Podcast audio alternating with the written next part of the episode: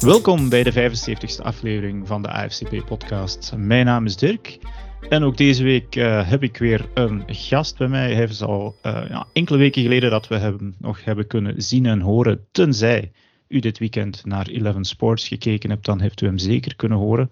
Ik heb het natuurlijk over Frans. Goedenavond, Frans. Goedenavond, Dirk. Ja, want we zitten weer wat meer binnen, helaas, door uh, wat er daarnet door de regering beslist is. Ik weet het eigenlijk niet, maar ik gok dat we weer wat minder mogen. Um, en dat ja, heeft één oorzaak, dat is COVID-19 nog altijd, of de 21ste, ja, 2021-versie ervan tenminste. En ja, ook die COVID heeft helaas, en we duiken er eigenlijk gewoon direct in, uh, heeft helaas ook invloed op uh, onze sport, uh, onze sport waar we graag naar kijken en het dus ook graag over hebben. En dat hebben we dit weekend gemerkt, ja, voor- en tegenstanders, want ja, er waren zomaar eventjes wedstrijden op donderdag, zaterdag, zondag, maandag en dan ook nog, ja, we nemen de woensdagavond op. Gisteravond was er ook nog een wedstrijd, of twee wedstrijden moet ik zo zeggen. Um, dat waren nu net minder wedstrijden, moet ik wel zeggen, die maandag en dinsdag games. En ja, in het midden van de nacht voor ons, dus we hebben er wat minder aan gemist, gelukkig. Um, maar bijvoorbeeld de Washington footballteam, die waren wel serieus verzwakt, uh, omdat er zoveel spelers, en we hebben het hier vorige week eigenlijk ook al in de podcast over gehad, moesten missen.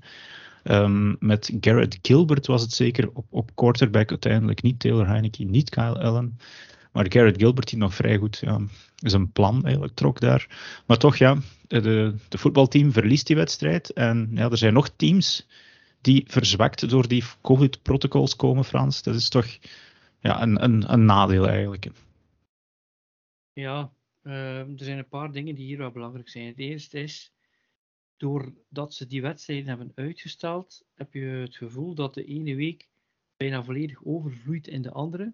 En als je weet dat die NFL-spelers eigenlijk volledig op regelmaat staan, wanneer ze hun rustig hebben, wanneer ze uh, hun, hun third down defense oefenen, wanneer ze, ja. dan wordt dat, dat al helemaal verstoord.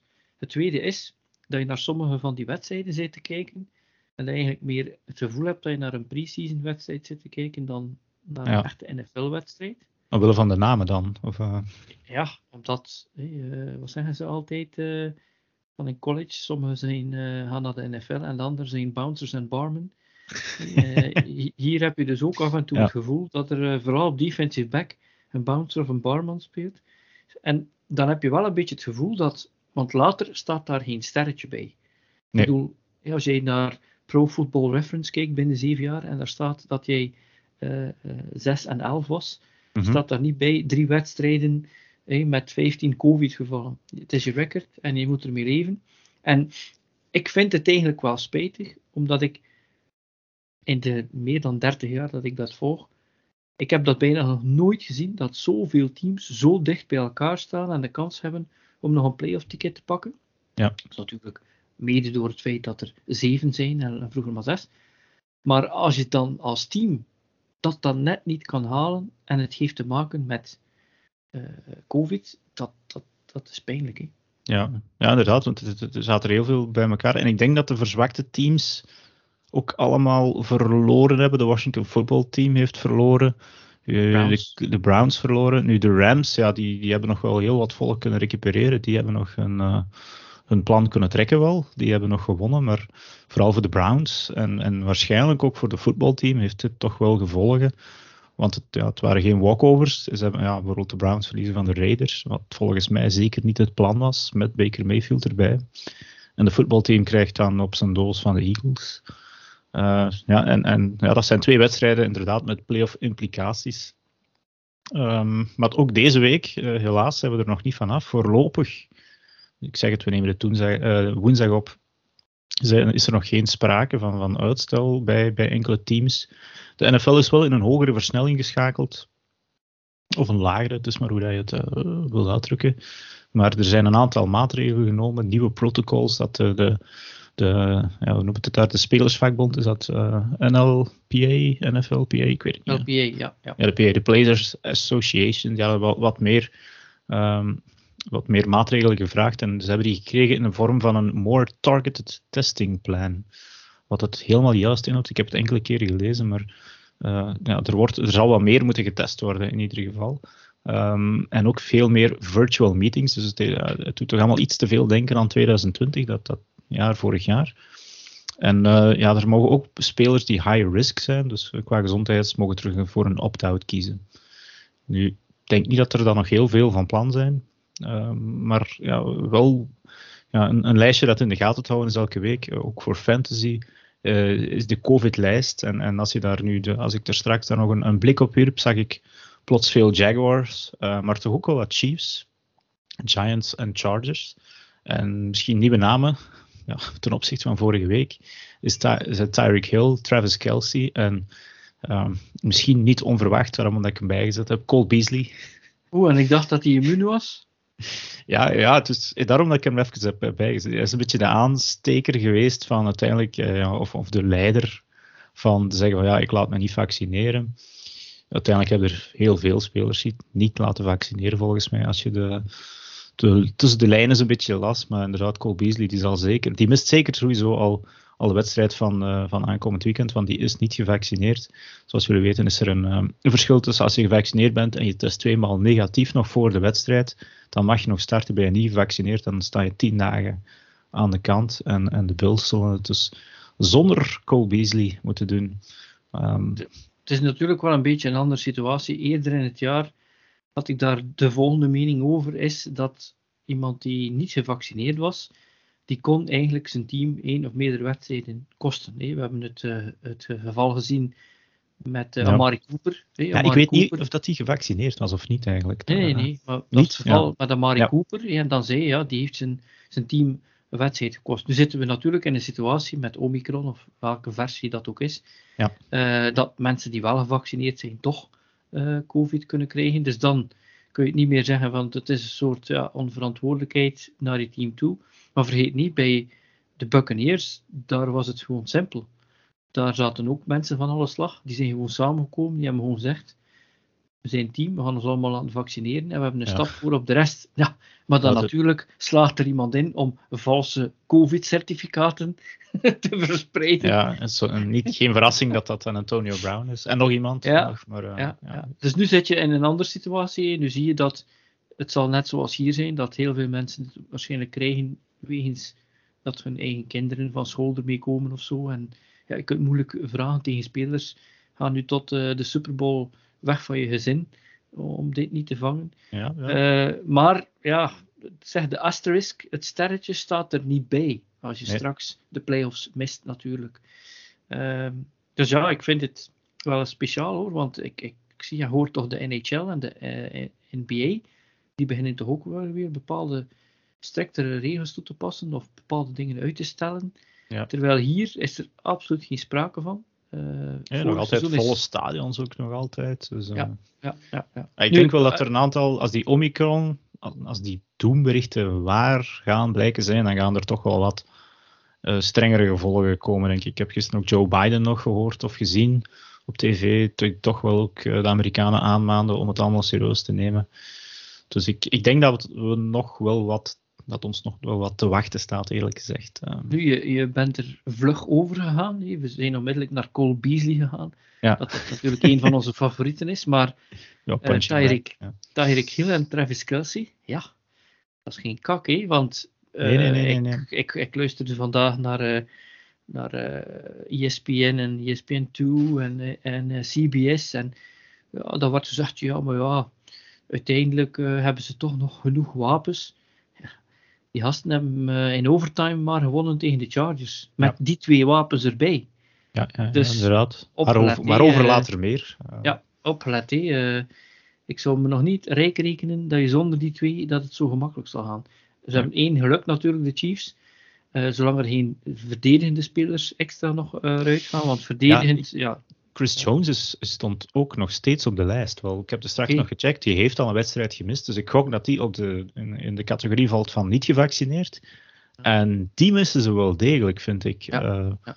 Want dat is een, toch een key piece in die defense. En, en het zijn zo'n mannen die je eigenlijk niet mag missen. Hè. Stel, ja. week 17, week 18, je moet er nog voor spelen. Plots valt daar jouw, ja, jou, de cornerstone, ja, de belangrijkste man van jouw offense of, jou, of van de O-line of D-line valt weg. Ja, je zit er maar mee. Hè. Daar, daar, kan je volgens mij geen barman, of wat was het, een bouncer.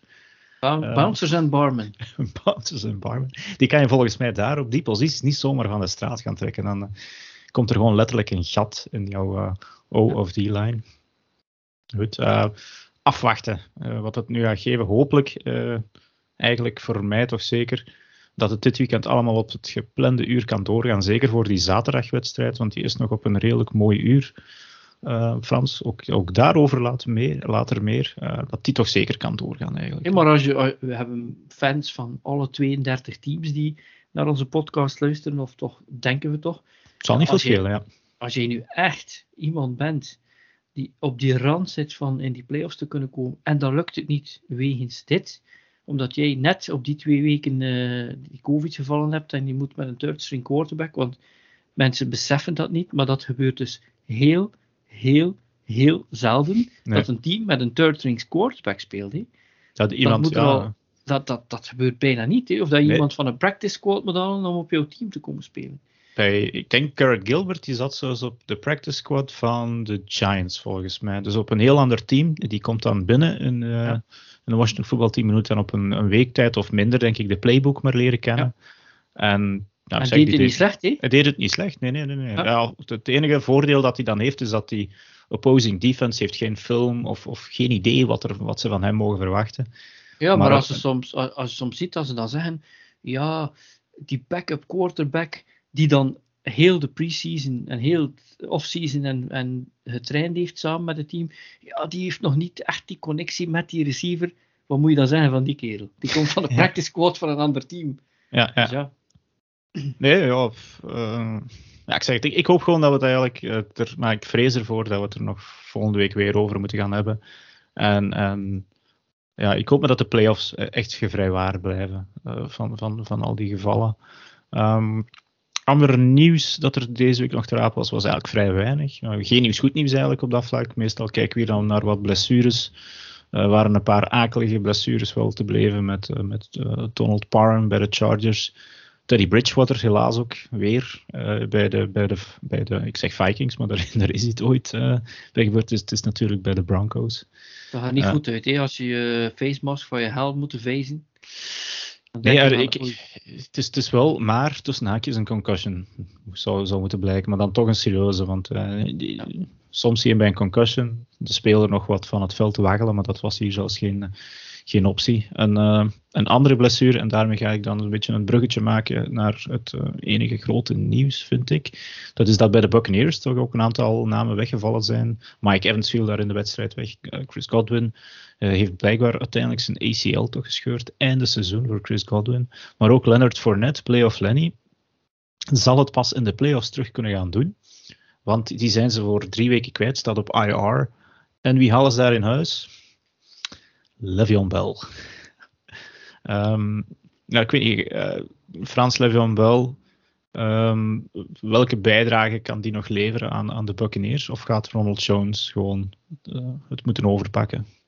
Weinig, maar uh, dat zeiden we van Lennart net ook. En dan kuste Brady hem op het voorhoofd en veranderde hij van pompoen in, wat was het? In een mooie koets of zo, wat was ja. het weer?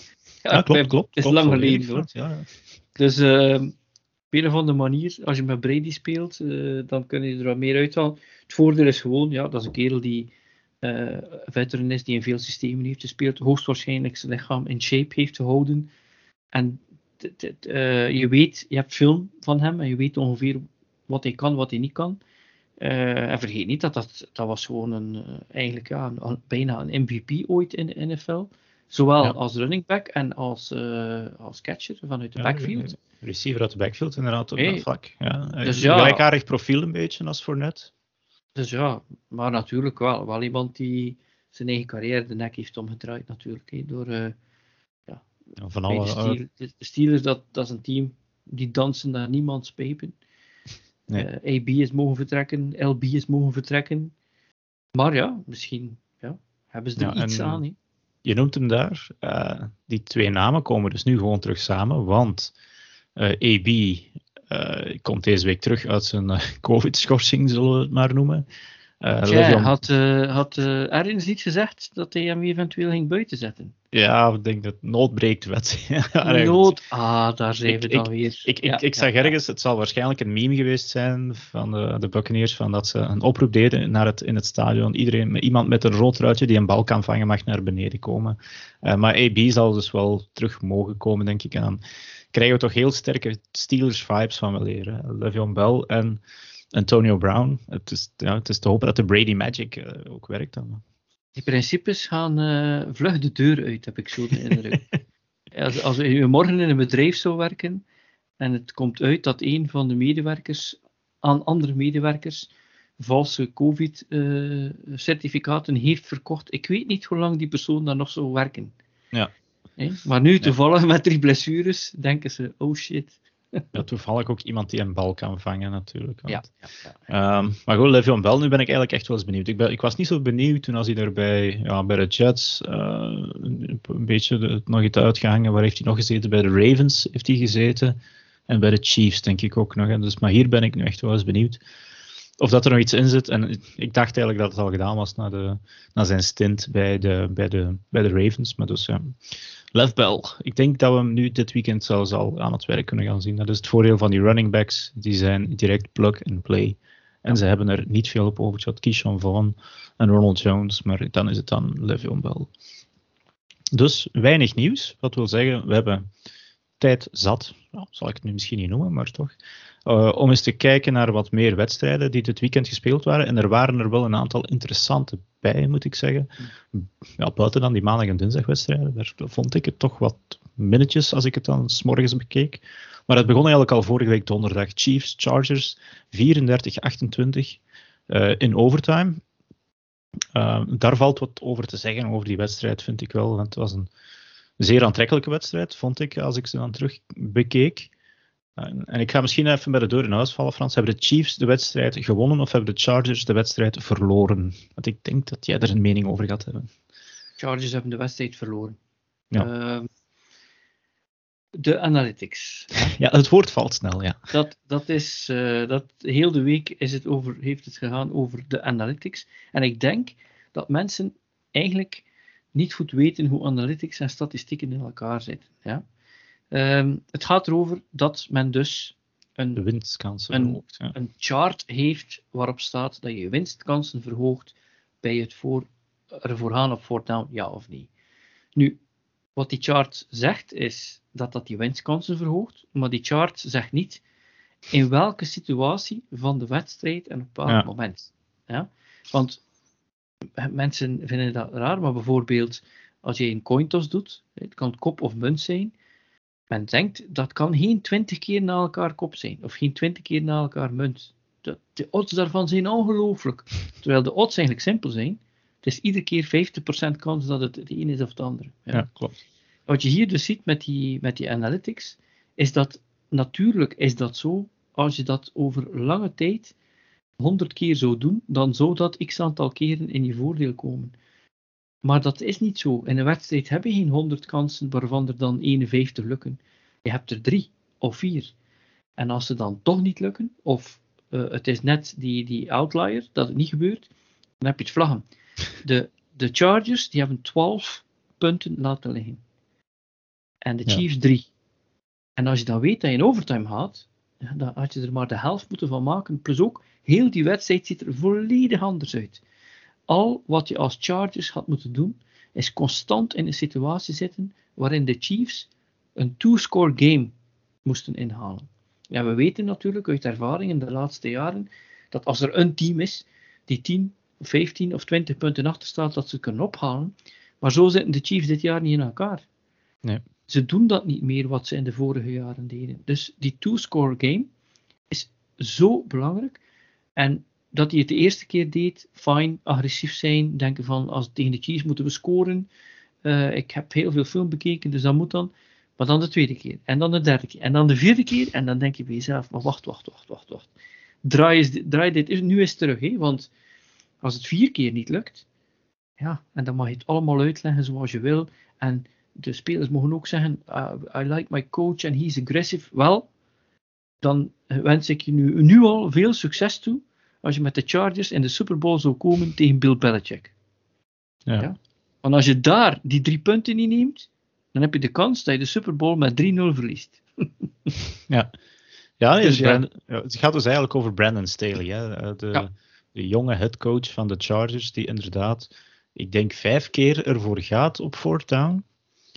Eh, twee Eh, keer vier- is het, vier- hij, hij had vier field goals kunnen maken. Ja, Dat, het, was dat zeker, ja. het was twee keer gelukt, dacht ik. Dan drie keer is er iets misgegaan en misschien dat er dan nog ergens eentje was. Eh, ik, ik, ik herinner mij zeker nog die eerste. Dat was dan ja, Nee, maar van wat zegt van goal. Ze, ze hebben niet gescoord Nee, op nee, die nee, niet. downs. Ja, dat niet. Ja. Maar allee, ze gaan er dan voor. allee, dat vond ik eigenlijk ook al een, een, misschien wel een foutje. Ze lopen dan heel het veld af met Eckler.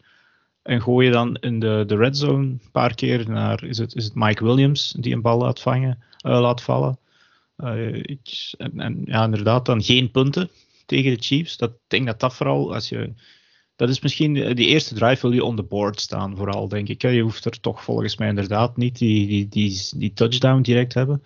Maar ik denk dat de belangrijkste was vlak voor rust. Waar dat, ehm, Ja. dat ze eigenlijk de bal krijgen en ook weer het, het veld aflopen ehm, tot op de, is het de one yard line? Het zal, het zal eigenlijk niet veel schelen. En dan ja, fourth and goal. In plaats van dan toch nog eh, de field goal te trappen, ehm, gaan ze ervoor, lukt het niet.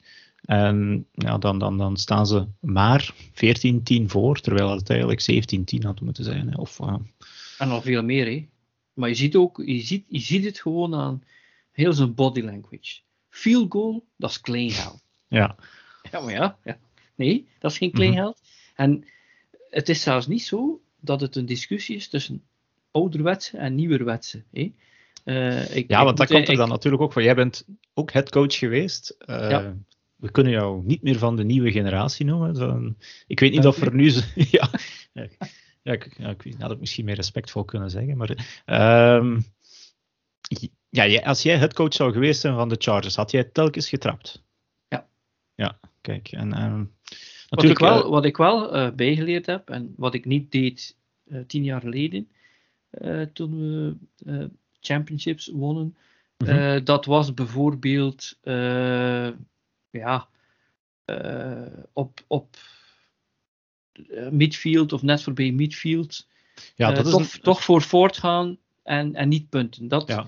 dat deed ik sowieso ook dat- standaard. Dat, zou ik nu veranderen. Dat is ook een stukje analytics, hè, want dan weet je, als je daar de bal eh, kwijt bent, dan is het nog geen ramp. Eh, En als je het haalt, Ja. ja, dan gaat jouw drive verder. Maar het is inderdaad, het, het gaat een beetje over analytics ten opzichte van gut feeling langs de andere kant. En, en moet ik dan boerenverstand noemen?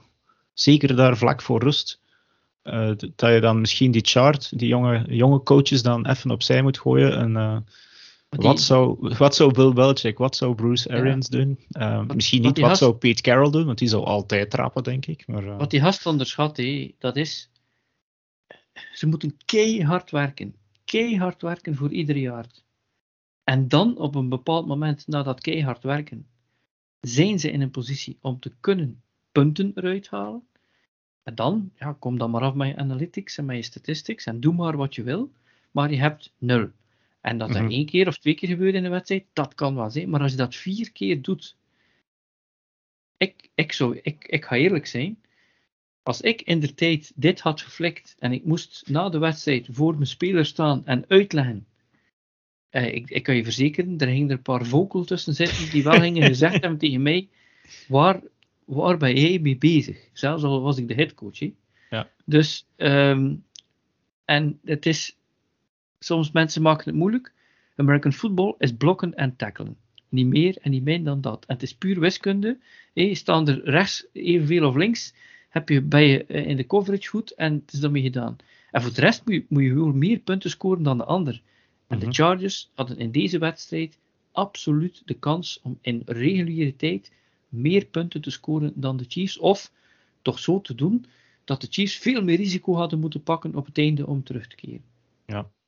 Want het gevolg is inderdaad een overwinning van de Chiefs in overtime. Ja. Met een, eh, en we hebben het er straks al kort gezegd, eh, de triumviraat Patrick Mahomes, eh, Travis Kelsey en Tyreek Hill. die eigenlijk terug een beetje klikte, net zoals vorig jaar. Die, die supersnelle benen van Travis, van, van, van Tyreek Hill, de, de, de handen als lijm van Travis Kelsey, die dan nog eens een hoop volk meesleept. Tot, want hij heeft twee touchdowns gescoord. We zullen even de stats erbij nemen. Kelsey 10 receptions, 191 yards, twee touchdowns. Hadden er zelfs drie kunnen zijn, want hij is nog met zijn neus op de goal line gevallen, helaas niet met de bal. En Tyreek Hill 12 receptions, 148 yards en een touchdown. Als dat weer zo verder gaat, uh, want ze zijn nu 10 en 4, staan eerste terug in de AFC. En ik, ik zeg op een diefje, want ik had het eigenlijk niet meer verwacht als ik het. Uh, hoe dat zij het begin van het seizoen begonnen zijn. Dat zij nu plots op kop staan van de AFC lijkt zo echt ja, gestolen. Ja, ik weet niet, moet ik het zeggen. De rest is gewoon niet beter, zeker. Het staat er dicht bij elkaar. Maar ik had het toch niet verwacht. Herbert speelt gewoon de pannen van het dak. Ja. Ik bedoel, echt, ik vind het gewoon spijt dat dat team niet 10-4 of whatever is, want dan had hij echt wel kans om zelfs MVP te gaan. Mm -hmm. Maar Mahomes speelt veel slimmer dan vroeger. Uh, vroeger was het soms dat je dacht, oh my god, maar hier heeft hij geluk. Oh, maar hier heeft hij risico's genomen. Ja. Dat zie je zo niet meer. Hij weet heel goed waar hij mee bezig is. Het is al echt wel een kleine Brady aan het worden. En het is daar een moment geweest dat zij op offense, dat het niet dat het niet meer leek te draaien. Hè? Ja, de defenses hadden een antwoord gevonden. Ja, ja. Het is op, het is, je, je zegt het goed, hè? op het juiste moment klikt het weer. Uh, maar voor de Chargers, dat is, dat is een klap. Hè? Want hadden zij hier dit gewonnen, ja, dan, dan, ja, dan hebben ze zelfs een kans om die divisie nog te winnen.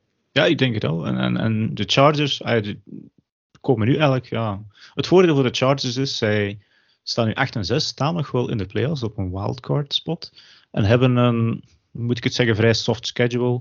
Nu, uh, zondag is het uh, bij de Texans op verplaatsing. Dan thuis tegen de Broncos, die net hun quarterback zijn kwijtgespeeld. En dan nog uh, bij de Raiders. Dus als ze nu al op een playoff plaats staan, zal het in principe toch moeten lukken. we zullen straks gaan we een, een soort ja, Super Bowl draft doen om te zien welke teams dat wij eigenlijk ver zien geraken. En ik, ja, ik kan toch al verklappen dat waarschijnlijk, ik hoop tenminste, dat de Chargers uh, in die playoffs zullen geraken. Alleen al voor Justin Herbert en Austin Eckler aan het werk te zien. Wat je hebt is, en dat zal hetzelfde zijn met de Packers, je wil absoluut niet daar in min 6 of min 10 in Kansas City of in uh, Green Bay gaan spelen. Je, je wil dat vermijden. Dat, en, en let op, die spelers die daar zelf wonen, die vinden dat ook niet zo, zo, zo, leuk hoor om in die kou te spelen. Maar degenen die er naartoe moeten trekken en ze komen uit het, uit het zuiden, dat, dat, is al een, dat is al min twee punten. Ja, ja ook voor het, uh, het volk in die stadions eigenlijk al dat je dan nog eens tegen krijgt. Want het, ik vond het dan ook, dat is misschien het laatste dat ik nog wil zeggen uh, over die wedstrijd, dat als, als, de, de, als de Chargers een, een, een mooie play deden, hoorde ik het publiek van, van horen juichen. En vroeger was het meestal andersom dat het zo leek. Ja. Ik denk dat de Chargers terug fans gevonden hebben. Mede dankzij Justin Herbert dan. Ik vind het ongelooflijk dat iedere wedstrijd die ik van de Steelers zie, dat als iemand van de Steelers iets goed doet, ik moet altijd nog eens naar dat midfield kijken welk veld het nu is. Het is bijna altijd Steelers-fans. Op gelijk ja. welk stadium. Je zegt, hoe kan dat nu? Wat zitten die bij de Ravens te doen? Of bij... Je hoort dan dat die, die, die, die Fryer Mood is, is die tight end zeker niet? Ja, ja, dat is Pat Fryermuth, ja. En dan woe, dan ook zo'n, ze maken zo'n geluid. Eh? Ja, ja, ja. ja dat denk ik. Ja. Dat kan toch niet? Ja. ja. Je kan maar beter zo'n fans hebben eigenlijk. Ja, ja inderdaad. De Chargers, ik wens ze toe met hun mooie stadion, want dat, het was ook, ik zeg het van een mooie wedstrijd, mooi stadion, mooi veld, twee goede ploegen. Helaas op donderdagavond, dus dat we dan de, de replay Ik maar hopen dat dat de uh, AFC Championship wordt daar, zullen, ja, dat daar zou ik voor het tekenen in ieder geval. Um, de fans uit de volgende wedstrijd die we willen bespreken, zullen er niet mee akkoord zijn, want dat zijn ook twee AFC-teams. En dan hebben we het over de New England Patriots en de Indianapolis Colts. Een eerste nederlaag voor de Patriots in acht wedstrijden. Ze hebben daarvoor zeven wedstrijden verloren. Ik heb er geld eindelijk eens dankzij verloren, want ik heb altijd op de Patriots gezet en gewonnen, nu niet meer. Um, maar Frank Reich, de headcoach van de, de Colts, had blijkbaar toch goed naar de Patriots gekeken. Eh, van, was het twee weken geleden tegen de, tegen de Bills. Want daar leek het toch wel fel op, Frans. Dat hij niet wilde gooien, maar enkel wilde runnen. ja, gewoon uh, copy-paste van wat Belichick tegen de Bills heeft gedaan. Maar hij heeft dan niet uh, een arsenaal aan, laten we zeggen, degelijke running backs. Hij heeft één uitstekende running back. Namelijk, ja. als het niet van King Henry was geweest, die geblesseerd was. Dit is nu de beste running back uh, van de NFL. Mm -hmm. um, en ja, 20-0. Dan denk je ook dat het voorbij is. Maar ik heb me zo zitten erger in die wedstrijd. ik, je hebt het waarschijnlijk in de Slack uh, ook wel gezien. Uh, ik dacht, dit kan toch niet waar zijn? Hij moet absoluut. Ik, ik, dacht op een bepaald moment zelfs: neem Wins gewoon uit de wedstrijd. En doe die snap gewoon rechtstreeks naar Taylor. Want je zag het gewoon gebeuren dat Wins er nog ging slagen om dat te verklooien. En Wins' statistieken zijn niet slecht. En dat is zeker geen slechte quarterback. Je gaat me dat niet horen zeggen. Maar je hebt nu al het gevoel, gelijk wel team die Taylor onder controle kan krijgen, dan is het voor de Colts game over. Hè. De, de, mm -hmm. En zeker als ze achterkomen. Hè. Als je en Taylor stopt en achterkomen, dan moet je niet als Colts-fan denken van die winst die zal ons, ons vel redden. Hè. Dat, is, dat is duidelijk een tussenoplossing. Ja. Um, maar ja, maar je... uh, ze, ze, gaan er nu volgens mij toch minstens nog een jaar mee moeten verder gaan. Uh, want ze hebben nu dankzij zijn 75% snap percentage een extra eerste ronde pick. En ik, het zou mij raar klinken als ze nu voor een QB uit die niet zo sterke QB-klas zouden gaan. Um, maar inderdaad. Doen, nee, maar, en, en, maar wat ook niet mag vergeten is, ik zeg nu wel, Wens is misschien, maar dan is hij de enige zwakte, zwaktepunt in, die, in, die, in dat team. He. Want ze hebben een hele goede line. Ze hebben ja. niet alleen gescoord op offense, ze hebben op defense uh, een interception. Ze hebben uh, een blocked punt op special ja. teams. Het is, de het is echt wel een goed team. En dan ja, is hij dan nu een beetje de, de caretaker gast. Maar er zijn natuurlijk momenten waarin dat je dan denkt, nu moeten we dat extra oomf hebben van onze quarterback. En daar vrees ik voor. En dan zou het spijtig zijn, want dat, als dat team dan in de playoffs geraakt, en dan ben je one and done, omdat je quarterback die dag denkt, ik ga hier uh, de held spelen, en dan uiteindelijk duwt hij je dieper in de stront dan hij zat. Dus ik, ik als ik ja. Colts fan zou zijn, zou ik heel blij zijn dat ik een nucleus heb van echt wel goede spelers. Maar ik zou een beetje gefrustreerd zijn dat je dit jaar en misschien ook nog volgend jaar, je hebt gelijk, want je hebt meer zicht op de college. Tenzij er natuurlijk uh, spelers vrijkomen. En ik durf te ja. zeggen dat als ik de Colts zou zijn, zou ik een serieuze stap zetten richting Wilson of uh, Rodgers. En daar wat haal tegen gooien. Maar omdat je misschien maar dat verwijderd bent van een Super Bowl. Ja, ja, ja, een goede defense ook. Ze zijn nu Leonard, een aantal jaar. Uh, ja, ze zijn Harris Leonard inderdaad. Ze zijn een, een, een aantal QB's aan het uitproberen. Ja. Rivers, um, ja, Wentz nu, wie was het daarvoor? Ik, het zit echt al heel ver. Was het Jacoby daar, Brissett hebben ze nog gehad? Ja, Brissett, ja, dat was het die ik aan het zoeken was eigenlijk. Het was dus... natuurlijk omdat Andrew Luck vertrokken was. Hè. Ik bedoel, normaal gezien hadden ze Andrew Luck nog moeten hebben tot 2030. Hè. Ja. Dat is ook zo'n zo'n type die had kunnen meegaan, zoals maar ja, door blessures. Ja. Is er iets aan het handje bij de Patriots? Of ja, was het gewoon, is het tijd dat ze nog eens verloren? Uh, ze zijn wel die eerste plaats in de, de kwijt aan de Chiefs. Um, maar ja, voldoende vertrouwen in Bill Belichick om, om ja, rustig richting de playoffs te gaan, toch wel? Ik denk dat er vertrouwen mag zijn, maar ik denk dat er iets anders aan de hand is. Je ziet het telkens, die coaches, die headcoaches, die denken, die hebben een heel groot gedacht van zichzelf. Ik heb mijn plan, ik heb mijn strategie. Hé, terwijl als je Belichick ziet, is het simpel. Iedere week is het een andere strategie. En wat is die strategie? Ja. Ik neem weg wat je, het, wat je het best doet, probeer dan met het andere me maar te verslaan. En ik zal op alle marginal gains jou proberen aan te pakken en jou volledig uh, uitvlooien en zo tegen jou winnen. Wat hebben de mensen nu door?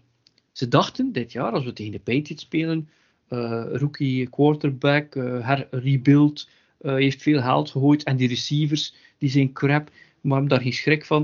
Je heeft 30 running backs, maar 30 uh, halves is nog geen hele bij hen. Wat hebben ze gemerkt? Nee, nee. Als je tegen Belichick speelt, is dat exact dit soort gameplan die je heeft in jou. En als je tegen hem speelt, als je dezelfde tactiek toepast, dan kan je hem pakken. Hij zegt van, ja, maar wacht eens, wacht eens. wat gaan we wegnemen, zodanig dat we hem in een hoek drukken waarin hij zelf moet risico's nemen. Want Belichick heeft 70% van zijn wedstrijd in zijn carrière gewonnen door te wachten tot jij iets fout deed. En dan nekschot met Ja. Brady die dan het nekschot gaf.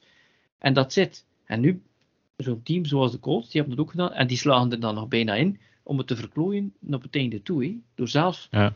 En, en dat is gewoon hubris. Dat als je 20-0 voor staat, het is gewoon off tackle left, Ja. off tackle right. Het, hè.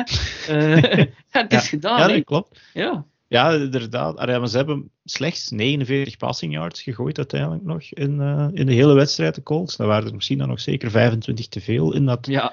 in, in dat vierde kwart. 226 rushing yards, waarvan 170 voor Jonathan Taylor.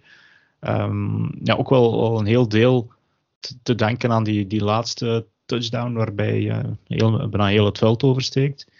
Ehm, ja, ik, eh, als we dan zeggen, deze wedstrijd, eh, de vorige wedstrijd Chiefs-Chargers, die zien we graag terug in de playoffs. Ja, dit, dit liever niet dan. Of, want ah ja, het is, de Patriots hebben, ze hebben zeven wedstrijden op rij gewonnen. Maar het is, het is zoals je daarnet vermeldde, het is toch niet echt een team waar het ervan afspat. Eh, wie is daar de grote held eigenlijk? Maar je- buiten... je hebt- Je hebt het gevoel, als die twee teams zouden tegen elkaar komen in de eerste ronde van de playoffs, dat gelijk wie wint de weken na eruit ligt. Dat gevoel heb je. En dan vraag je af, ja, is dat dan waar je wil zitten op kijken? Maar ik vond het nog een interessante wedstrijd hoor. Ook al want in- in- na 20-0 denk je, oh shit, dat gaat hij volledig verkeerd. Maar dan plotseling denk je, oké, en eh, hij ziet wel, hé, Mac Jones, ja, dat is toch wel impressionant hoor, wat die jongen doet. Mhm. Zelfs met de foto Ja. die hij gemaakt heeft. eh, Ja, het valt nog mee, ah ja, valt mee. Twee touchdowns met, eh, ik denk alle twee naar Hunter Henry. Ehm, maar dan ja, twee picks, waarvan er duidelijk toch eentje eh, Ja. te veel was. Ehm, nou ja, ze waren nog niet beslissend, want ze waren maar in het tweede en derde kwart. Maar dat was wel het moment dat ze eigenlijk nog altijd niet op het scorebord kwamen. Eigenlijk. En, en inderdaad, in, tegen een ander team zou het wel eens kunnen zijn dat bij 20-0 effectief de wedstrijd voorbij is. Of, of dat het dan al 27-0 moet staan. Ehm, maar goed, eh, Patriots en Colts, we zullen kijken waarvan dat ze straks in onze eh, Super Bowl draft terechtkomen. Wie dat me gaat kiezen, Frans of ik, want eh, daar gaat het dan straks op neerkomen. Een andere verrassende uitslag toch wel. Eh, Saints Buccaneers 9-0. Zeker, het was geen scorigami, dat is zeker nog voorgekomen. Maar de Saints, ja, het is het zwarte beest van, van Bruce Arians en de Buccaneers. Want ze hebben nu, een, denk ik, vier keer dat ze er tegen gespeeld hebben in het reguliere seizoen, vier keer verloren. Eh, de Buccaneers dan. En ja, Brady was duidelijk heel gefrustreerd. Eh, onder andere een, eh, een, een tablet in, ja, weggegooid, kapot. Maar gewoon geen punten kunnen scoren. En dat was geleden van week 15 blijkbaar in 2006. Frans, ik weet niet, ehm, dat zal dan ook ergens december geweest zijn. 2006, wat, toen, wat jij toen aan het doen was, kan je daar nog iets van herinneren? Ja, wel, ik, dan, ik was het eerste jaar headcoach van de West Vlaanderen Tribes. Oké, dat komt snel. Ja, ik zou ja, niet ja. weten wat ik toen deed. Ja, omdat we toevallig in 2006, 7 en 8 kampioen geworden zijn.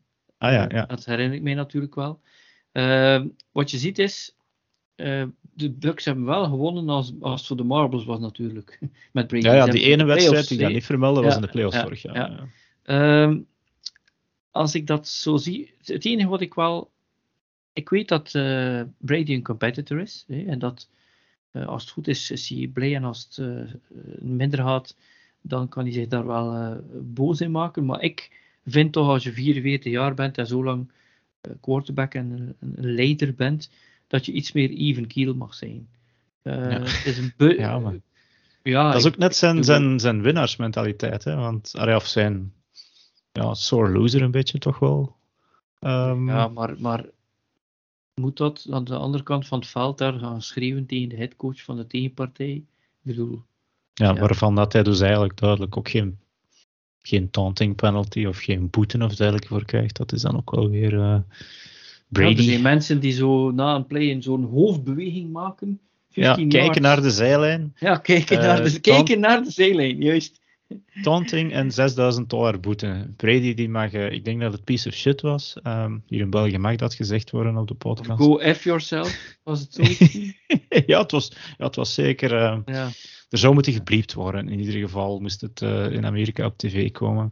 Um, maar ja, het was dus de eerste shutout dat hij geen punten uh, kan scoren sinds 2006. En het was zelfs overal, hij thuis, als hij thuis moest spelen, het was in Tampa Bay, had hij dat gewoon nog nooit gehad. Dat hij geen punten scoorde in zijn, op zijn thuisveld. Dus dat is echt zeer uitzonderlijk. Uh, en ik, oh, ja. ik durf te zeggen dat dit ook uitzonderlijk was, wel, voor deze Buccaneers. Tenzij je... dat die blessures echt uh, er gaan op inhaken.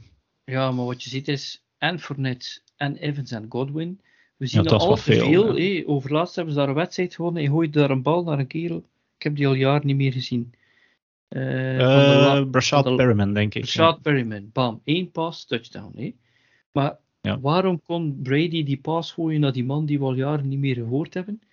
Omdat al die anderen op het veld stonden en die anderen gedubbel covered worden. Je, je, je, je, moet met drie man aan, aan Gronk hangen om hem tegen te houden. Dus klopt. het is niet zozeer. Het is, ja, maar nu konden ze met twee Gronk coveren, want die anderen waren gewoon veel minder receivers. Dus eh, je ziet wel dat, uh, ja, dat het ook voor hem een groot verschil maakt als die, die toppers er niet bij zijn. Um, en natuurlijk ja, de defense van, uh, van de Saints. Ik, ik was naar die wedstrijd aan het kijken. Op gelijk welk moment dacht ik nog van, dit gaat nog keren. Nu, ik heb, ik heb het niet in de bed gezet vorige week, maar ik heb heel vlug nog op Saints, ja. Saints plus 11. Dan dacht ik, ah, kom, dat kan ja, toch dat... in 100 jaar dat ze bijvoorbeeld gaan met 21-10 winnen van de Saints. Maar ja, ja de, de, offense van de Saints was toch ook maar weer rinky dink af en toe. Dus uh, hetzelfde ja, helpt, ja. Dit is, dit, eh, dat, was een van, dat was mijn enige winnende battle. Dat kan ik ook al wel zeggen voor straks. Uh, dat was de Saints inderdaad plus 11. Ik dacht ook van dat, ik, dat ik dit fout zag eigenlijk als je het objectief bekeek, ja oké, maar ik wist ook wel. En, en, dat is misschien dan wel het probleem van die Saints. Dat is een defense, een heel sterke defense, een van de sterkste defense van de league. Maar verder, Taysom Hill, um, ja, een beetje Alvin Kamara, maar dat is toch geen. ik, ik, heb het uh, omschreven in onze naam. Defense wins championships. Um, dat, dat is zo een van die clichés, maar voor de Saints ja, wie gaat de games winnen? Want dat is dan zogezegd de offense. En die hebben ze in mijn ogen niet. Want met negen punten, sorry, maar dan ga je deze wedstrijd winnen, maar geen verder. Dan houdt het op, op een gegeven moment op. Maar er is iets dat niet klopt. Hé. Als je normaal gezien Kamara op het veld hebt, dat is altijd een dreiging.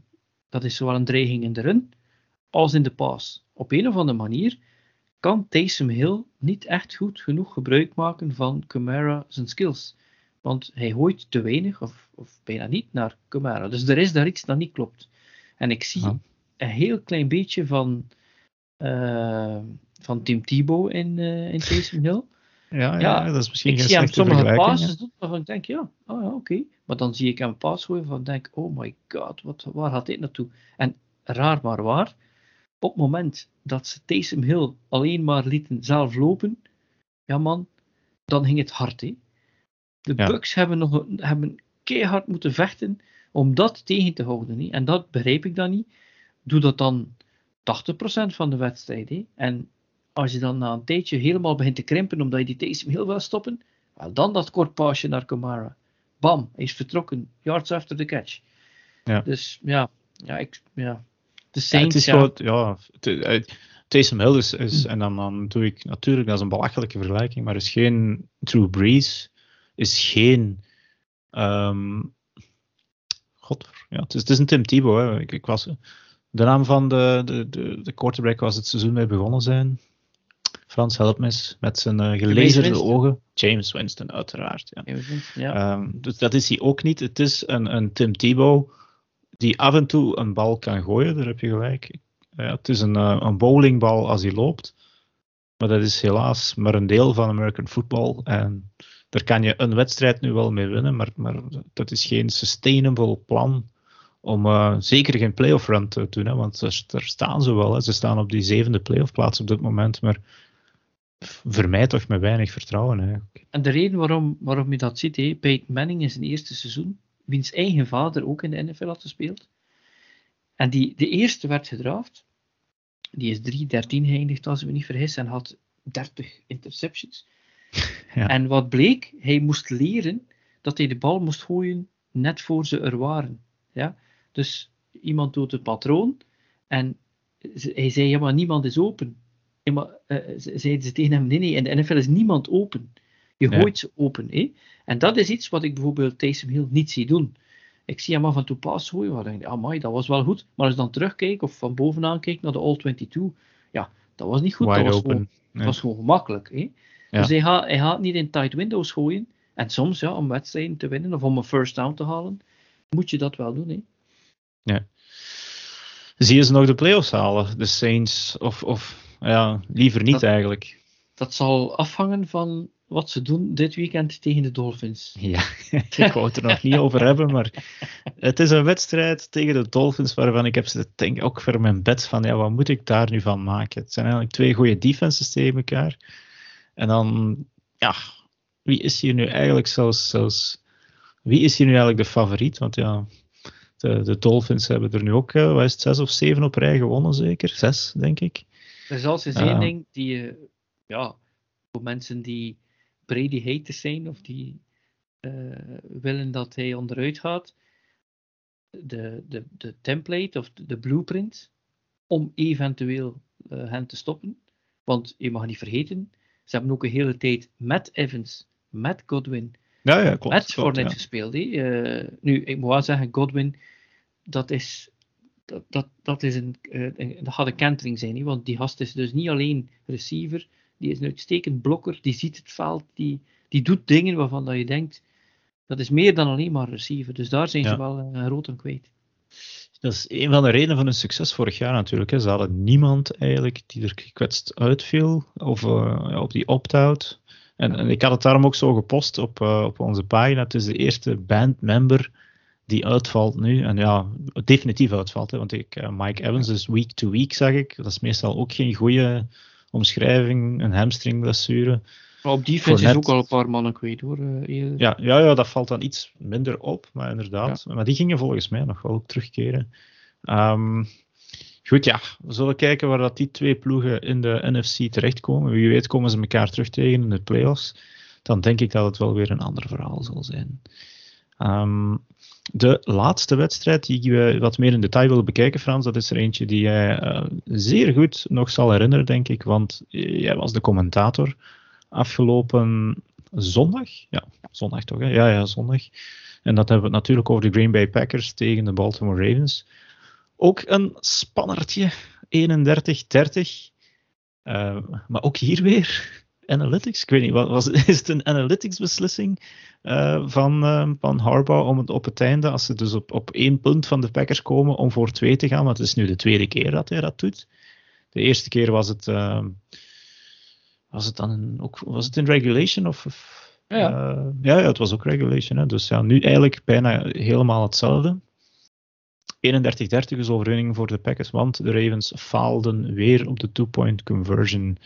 Ik, uh, ja, ik, ik, was toen al in slaap gevallen. Ik, uh, ik weet niet wat je toen live bij de wedstrijd bij die play vertelde. Heb je Harbaugh um, zijn vet gegeven, zullen we maar zeggen? Wel, uh, ten eerste, wat, wat, dat, wat dat in slaapvallen betreft, is het zo. Jurgen en ik, wij hebben eigenlijk liefst, mensen denken soms, je bent voor of tegen een team. Wat we eigenlijk het liefst hebben, dat het met nog twee minuten te gaan, dat het spannend is. Ja, spannend, dat willen ja. wij hebben, dat de, dat de kijkers van genieten. En dat is natuurlijk ja, niet altijd leuk als je fan bent van het ene team, dat je in die stress zit. Maar dat willen wij. Dus op het moment dat 31-17 was, ja, en mm -hmm. dat er niet zoveel tijd meer over was, dan moest ik eigenlijk teruggrijpen naar uh, weetjes. Hè. Weetjes al. Ah, was het al zover? Ja. Ja, ja, ja, ja, omdat je natuurlijk dan het einde van die wedstrijd nog moet interessant genoeg maken, of mensen die vragen hebben gesteld, uh, en denk, want ja. dan denk je bij jezelf, die wedstrijd is toch voorbij. Nu, op een of andere manier, miraculeus, miraculeuze wijze, raken die uh, Ravens ze dan toch met een backup quarterback, die iets doet dat Lamar Jackson nog nooit heeft gedaan, Huntley. Twee rushing touchdowns en twee passing touchdowns ja, komen ze ja. terug tot 31-30. Nu, flashback naar uh, die wedstrijd tegen de Steelers. 2019 tegen een Steelers team die eigenlijk niet zo goed is. En daar hadden ze heel veel uh, defensive backs kwijt. Ja. Ja. Dan was de redenering, ja, ik wilde ervoor gaan, want ik had de defensive backs niet om eventueel in een overtime te winnen. Wrong, wrong. Weet je? In de overtime, Ja, ze hebben Justin Tucker, hè, dan ga je al om te beginnen, ga je al de, de coin toss hebben. En als je wint, heb je de kans om een touchdown te scoren en dan gaan de anderen zelfs niet aan de bal komen. Ja. Ten tweede, als je de Steelers kan stoppen, hij krijgt de bal, dan moet je alleen maar een field goal maken. Met de beste kicker van dat je ooit in de NFL heeft gespeeld. Dus, dat was verkeerd. Dan denk je, ja, die doet dat maar één keer. Die, die komt hier nu tegen een ander team. En nu kan je wel zeggen, het is nu wel tegen Aaron Rodgers. Je hebt nog altijd Ja. niet zoveel defensive backs en noem maar op. Maar wat je dan moet denken, als je als, je, als je als coach daar staat, dan moet je denken, als dit twee keer mislukt, dit seizoen, en het is zo moeilijk om een wedstrijd te winnen in de NFL, als, als, als dat twee keer mislukt, en dan kan je zeggen, en dat, dan, dan heb ik heel veel vertrouwen van mijn spelers, en dan zien ze dat ik ervoor ga, en dat ik in Ja. hen geloof. Nee, je gelooft in hen niet, want je gelooft er niet in dat je defensive vuist gaat kunnen maken, of dat je gaat eh, kunnen winnen in overtime. Plus, ik moet er wel, wel bij zeggen, die passing play naar Andrews, dat was zo getelefoneerd, Ja.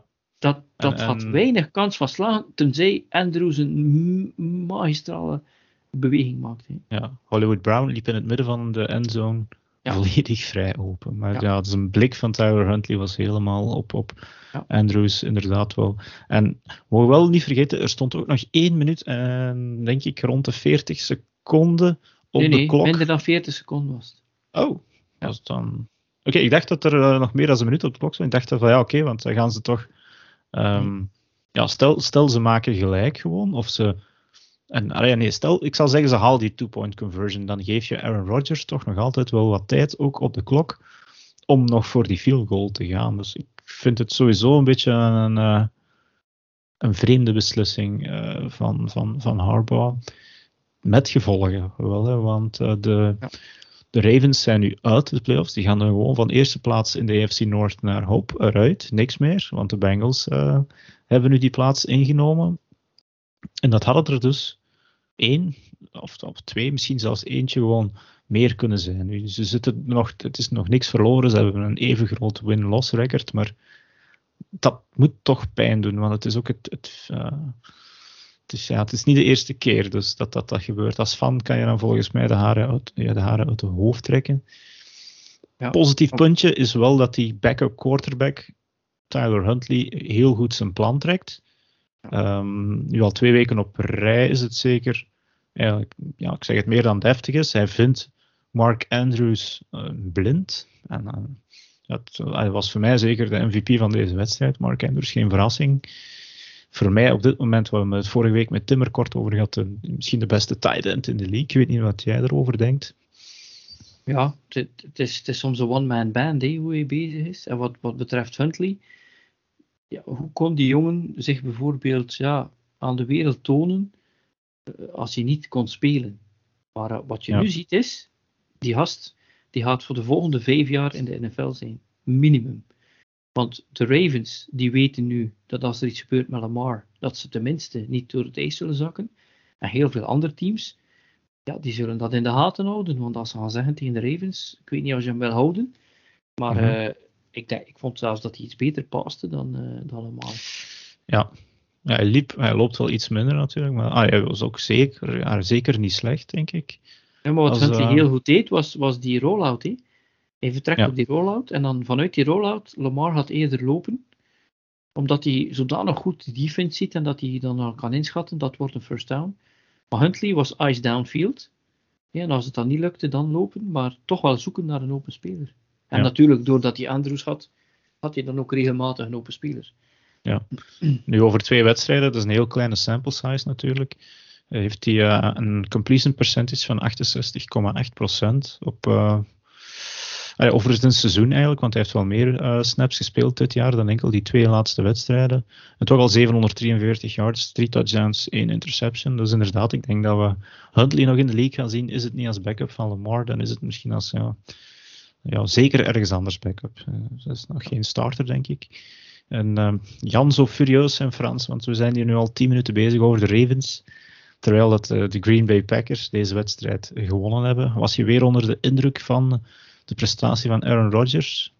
Ja, toch wel. En vooral de mix ook. Hè. Uh, running backs worden erin betrokken. alle receivers worden erin betrokken. En de defense deed het ook tamelijk goed voor een groot stuk van de wedstrijd. Het is eigenlijk maar op het einde dat ze een beetje door het ijs gezakt zijn. Het enige wat ik vrees voor, uh, voor de Packers is dat ik hoop dat ze niet in een situatie komen dat het op hun kikker aankomt. Niet dat, dat ik, dat ik die, die mensen zo slecht vind, maar, maar ik, ik, zie hem niet met veel vertrouwen op het veld stappen.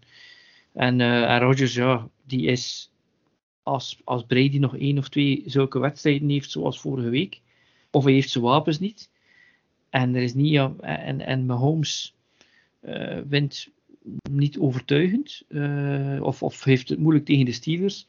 Ja, dan ligt de weg voor de MVP open voor, uh, ja. voor Rodgers. Hè. Ja, ja, voor mij mogen ze dat ook wel eens terug aan een running back geven. Dus Jonathan Taylor zou het voor mij zeker ook uh, verdienen. Maar het is een, het is een QB award, hè. Ja, je ja. zegt het daar. Terwijl de most valuable player, als je het gewoon letterlijk al neemt, is volgens mij sowieso eh, Jonathan Taylor. Maar, enfin ja, nee, de QB blijft natuurlijk de belangrijkste positie. En ja, hoe belangrijk dat is, dat uh, voor Green Bay, en niet alleen dit jaar, maar de afgelopen jaren, kan je zien dat hij, hij heeft een record gebroken van Brett Favre. Hij is nu de all-time teamleader met 422 touchdowns.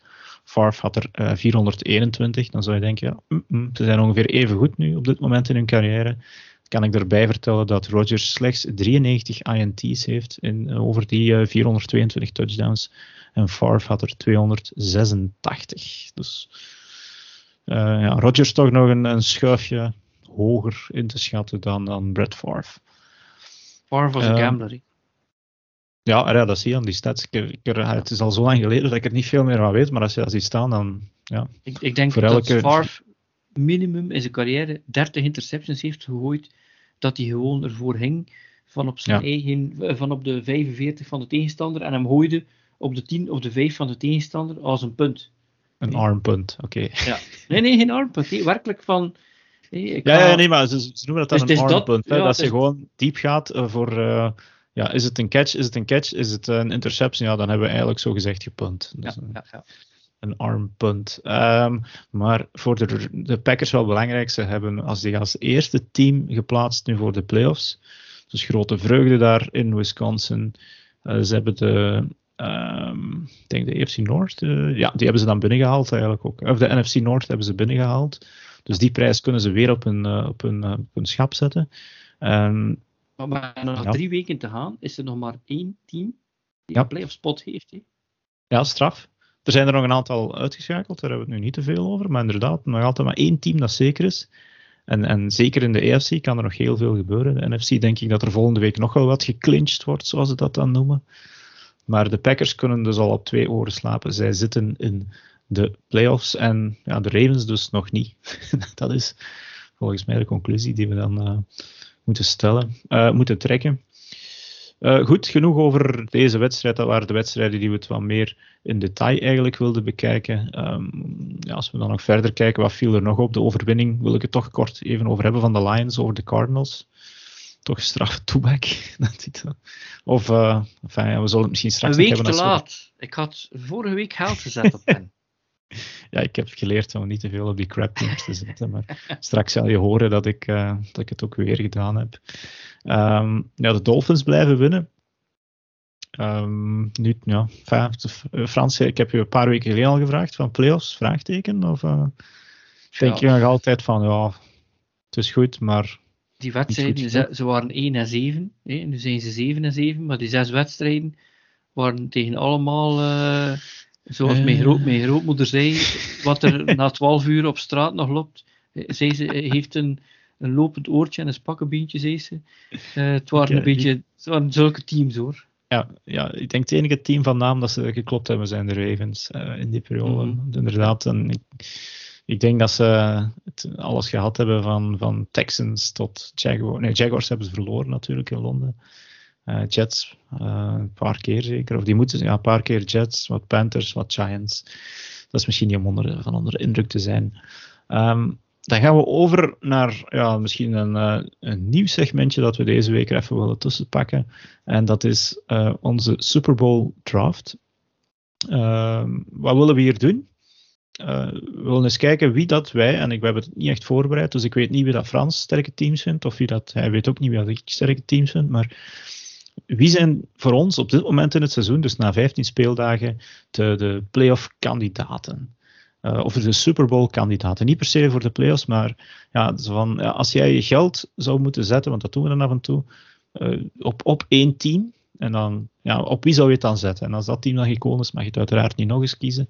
Um, en, en, dan gaan we zo naar beneden tot we 14 teams krijgen. En dan ben ik eens benieuwd wie dat we eigenlijk, uh, dat wij denken dat op dit moment playoff waardig zijn. En ja, we gaan het nu niet EFC, NFC netjes afbalanceren. Dat, uh, dat wil ik niet gedaan hebben.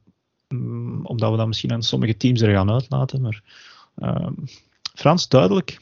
Ja, en hoeveel teams moeten we pikken in totaal? Ja, 14 gaan we pakken toch gewoon. En dat er ongeveer. Ah, dan hebben we een soort ranking in feite.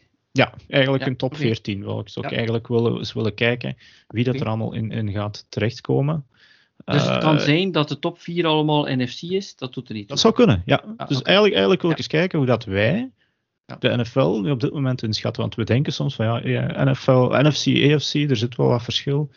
Uh, en ik ga jou trouwens de eerste ja, dat is nog iets dat we moeten afspreken. Gaan we gewoon om en om, want ik, ik heb nu wel Snake gezet, maar dan kies ik, kies jij er één, kies ik twee. Dan is het altijd twee om twee eigenlijk. Haalt dat veel uit uh, als je maar met twee bent, ik weet het niet. Um, nee, denk het best niet. Om en om, hè. Om en om, ja. Dus, ja, ja. Maar goed, uh, jij mag beginnen, Frans. Uh, dat ga ik wel aan jou laten. Dus wie denk jij op dit moment is het sterkste team in de NFL? Um, wie zie jij op dit moment eigenlijk als de grootste Super Bowl kandidaat?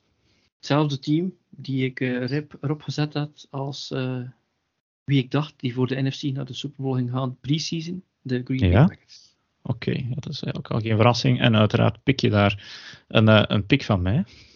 Ja. Dus ja, de leiders in de, de, NF, in de NFC op dit moment, die zie jij als tweede grootste kandidaat. Uh, ik ga... Eerste grote de, kandidaat. Ja, eerste grote kandidaat, ja, sorry. Ja. Uh, dus ja, de Green Bay Packers van zijn uh, ja, geleid door onze redacteur Jan, zullen tevreden zijn. Zij zouden inderdaad ook mijn nummer 1 geweest zijn. Ik ga op dit moment naar wie ik pre-season eigenlijk als nummer 1 had gezet. En ik weet dat we bij de redactie daar bij de Bulls terechtgekomen waren, maar ik had de Kansas City Chiefs uh, gezet. En ik ga ze dus nu, ja, het is nu wel om en om inderdaad, NFC, AFC. Ik ga de Chiefs op 2 zetten. Want ja, ze, ze, ze pikken picking up steam, hoe zeggen ze in het Engels, juist op het, het goede moment.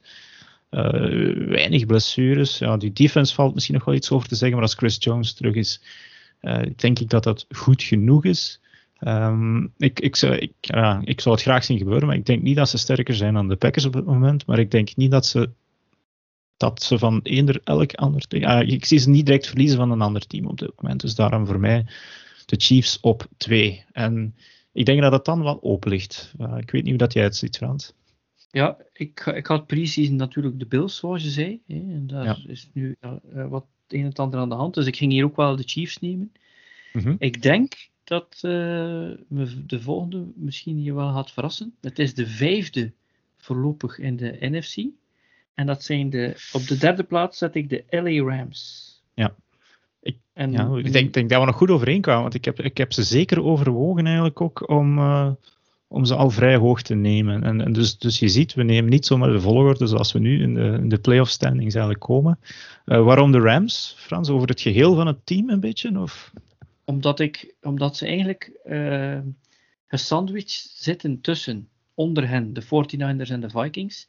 Die vechten voor, voor dear life. En ze ja. hoeven zich daar eigenlijk geen zorgen om te maken. En de drie teams die voor hen staan, de Cowboys, de Buccaneers en de Cardinals. De Cardinals die hebben iets te vroeg gepiekt, denk ik.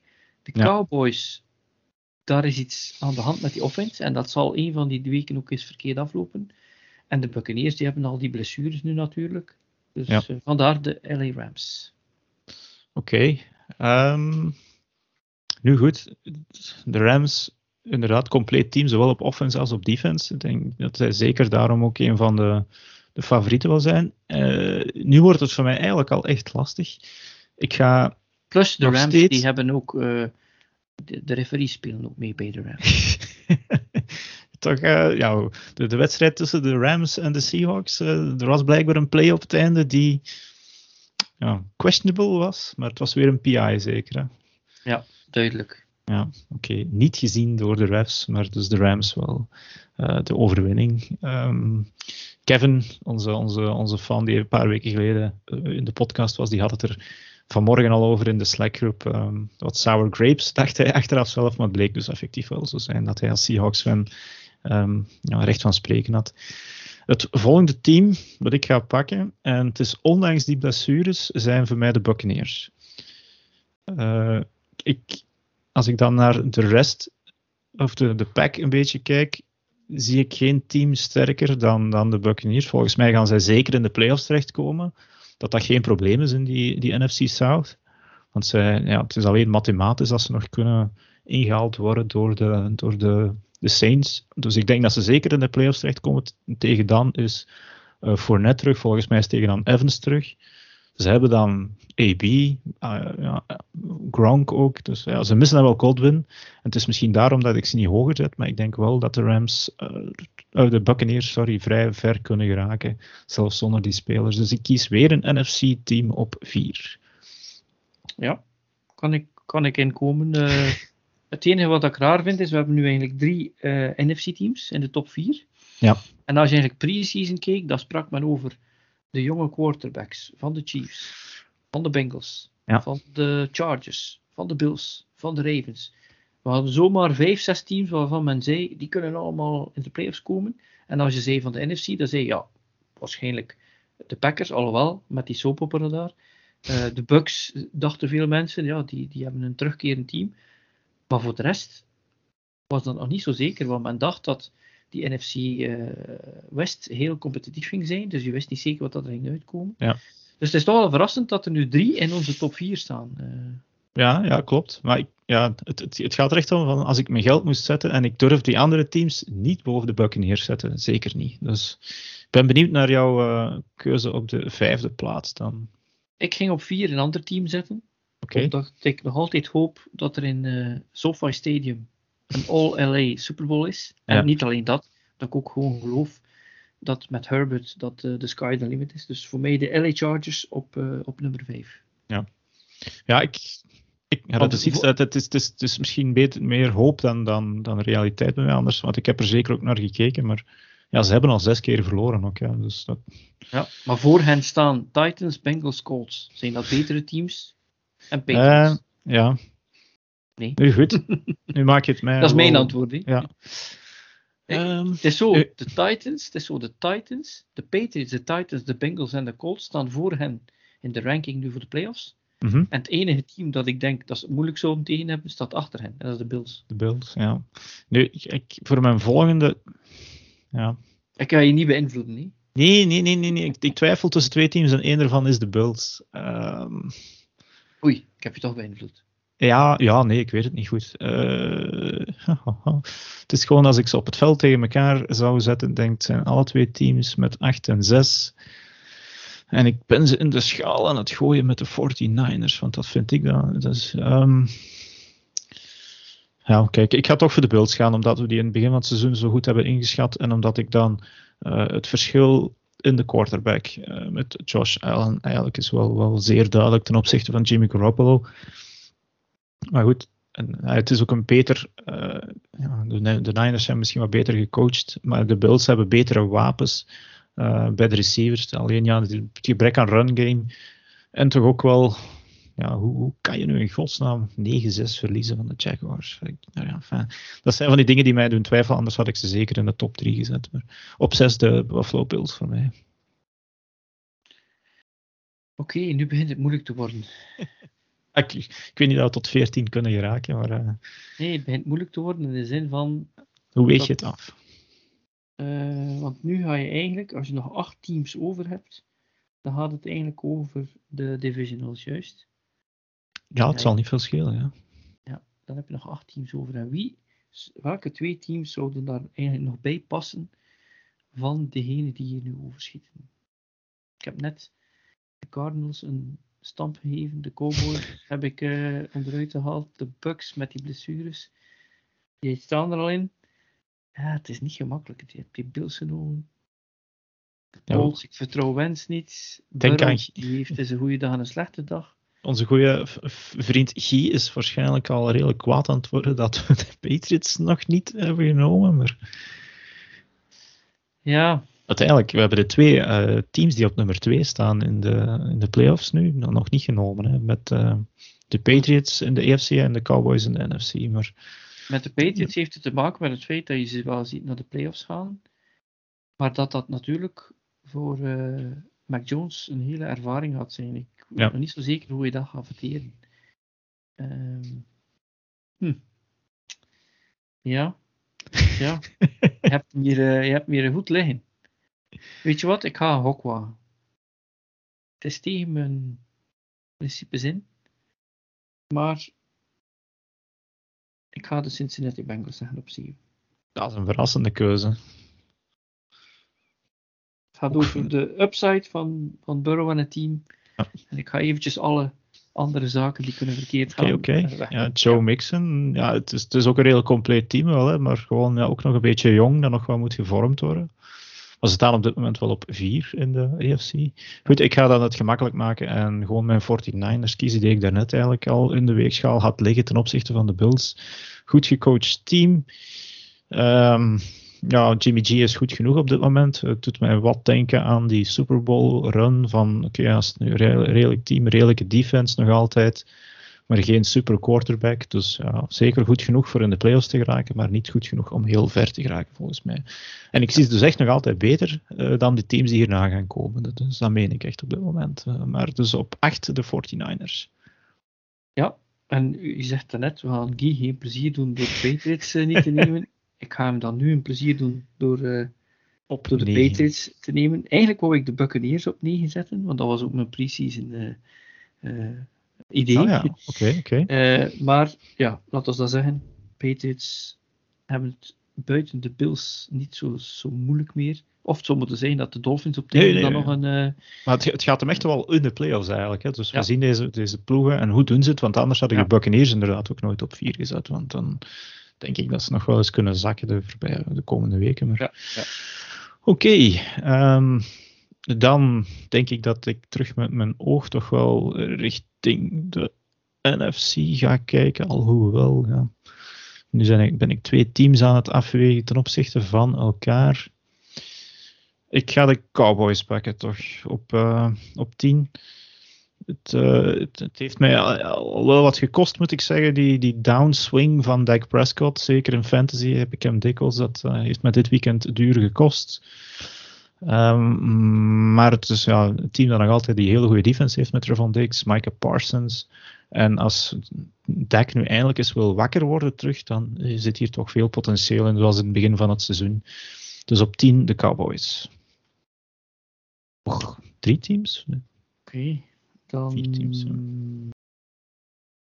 Nog vier teams. Nog maar uh, Arizona nemen op 10. Ja, het is. Het is. hè? En uh, dat, ja, dat kan ik begrijpen. Ja. Omdat dat... ze nu eigenlijk toch al ja, met een half been inzitten. Uh, en ze, ze, spelen tegen de Colts, dus uh, het zal onmiddellijk wel duidelijk zijn. Hè?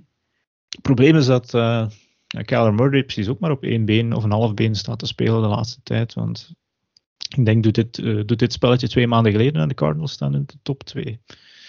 Maar ja, ze zijn zonder benzine aan het vallen, denk ik. Um, volgende team is voor mij dan een iets gemakkelijkere keuze, vind ik. Ik ga hier voor de Indianapolis Colts gaan. Um, daar straks al over gehad, Jonathan Taylor. Ondanks Carson Wentz, maar toch ook een uh, vrij compleet team. Uh, ik denk dat ik ze hier op 12 zeker geen oneer mee aandoe. Dan nog twee teams, Frans. Wie denken wij nog dat playoff waardig zijn? Ondanks... Oei, iemand tekort? Ik heb Packers, Chiefs, Rams, Bucks, Chargers, Bills, Bengals, Bengals 49ers, Pats. Cowboys. Ah, Cowboys, ja. Die, ja. die had ik, ja. Okay. Vikings. Ja, toch? Voor mij is het zo, ik hoop dat ze in de playoffs geraken. En als ze in de playoffs geraken, dan ben je nog niet, uh, dan ben je nog niet thuis.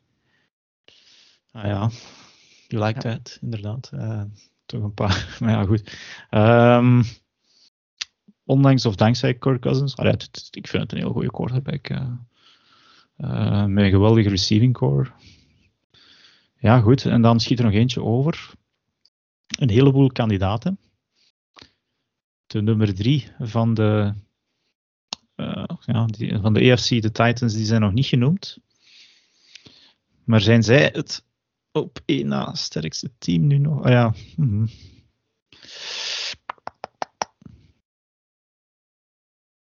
Ik ga toch voor de Ravens gaan, eigenlijk. Dat zij volgens mij toch ook. En, uh, een, dat is verdurfd. Ja, ja uh, met Lamar Jackson die, die terug gaat komen, voor, uh, gaat terugkomen. Ik zeg niet dat ze in de playoffs gaan geraken, hè, maar volgens mij is het een, een beter team dan de Eagles een beter team dan de Steelers, een beter team dan de Saints. En ja, ze hebben vorig jaar ook gewonnen van de, van de Titans volgens mij. En de Titans zonder Derrick Henry, dat, ja, misschien is hij ook terug, maar daar kunnen we nog niet op rekenen.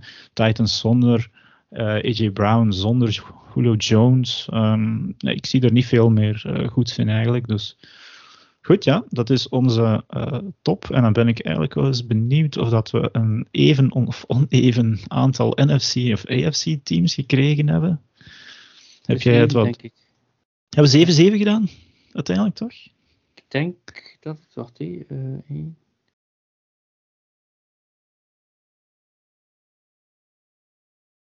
Ik ga eens even 1, 2, 3, 4, 5, 6, Zeven, jawel, jawel. We hebben zeven uh, eh, EFC-teams en zeven NFC-teams. Dus uiteindelijk zijn we toch op uh, ja. even even. En ik heb er geen rekening mee gehouden. Jij ook niet, denk ik. Dus, Wat je ziet is dat je dan Packers uh, Chiefs zouden dan in de Super Bowl zitten voor ons. Ja, de State dan, Farm Bowl. En dan zouden we de, de Rams en de Bucks zien spelen tegen de Chargers en de Bills. Dus dat zijn er allemaal topwedstrijden. Ja.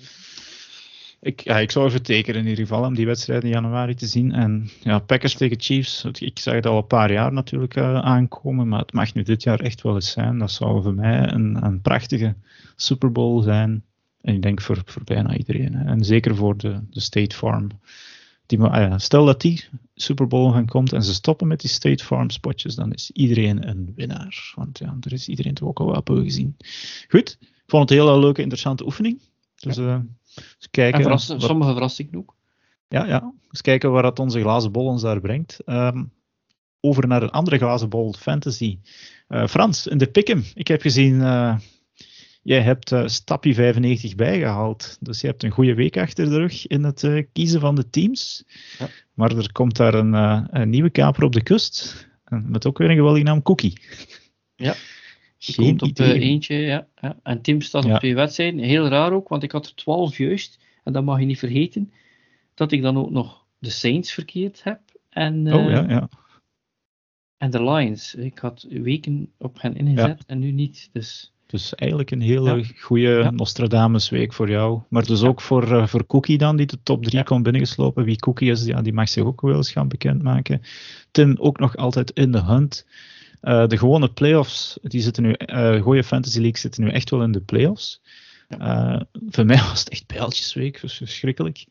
Ik denk dat ik in elke league buiten de, buiten de AFCB League lig ik eruit. Gewoon omdat mijn spelers, en ik kies heel veel dezelfde, hebben allemaal underperformed van je welste.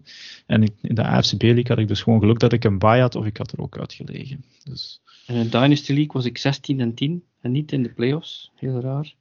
Echt? En, ja, dat is wel sterk, ja. ja. Hij heeft gewoon heel maar de helft van die league had veel en de andere helft had weinig, dus ik zat er niet in. En een andere Dynasty uh, gewoon een slechte week deze week en dat is dan pech, want ik was tamelijk high-seeded.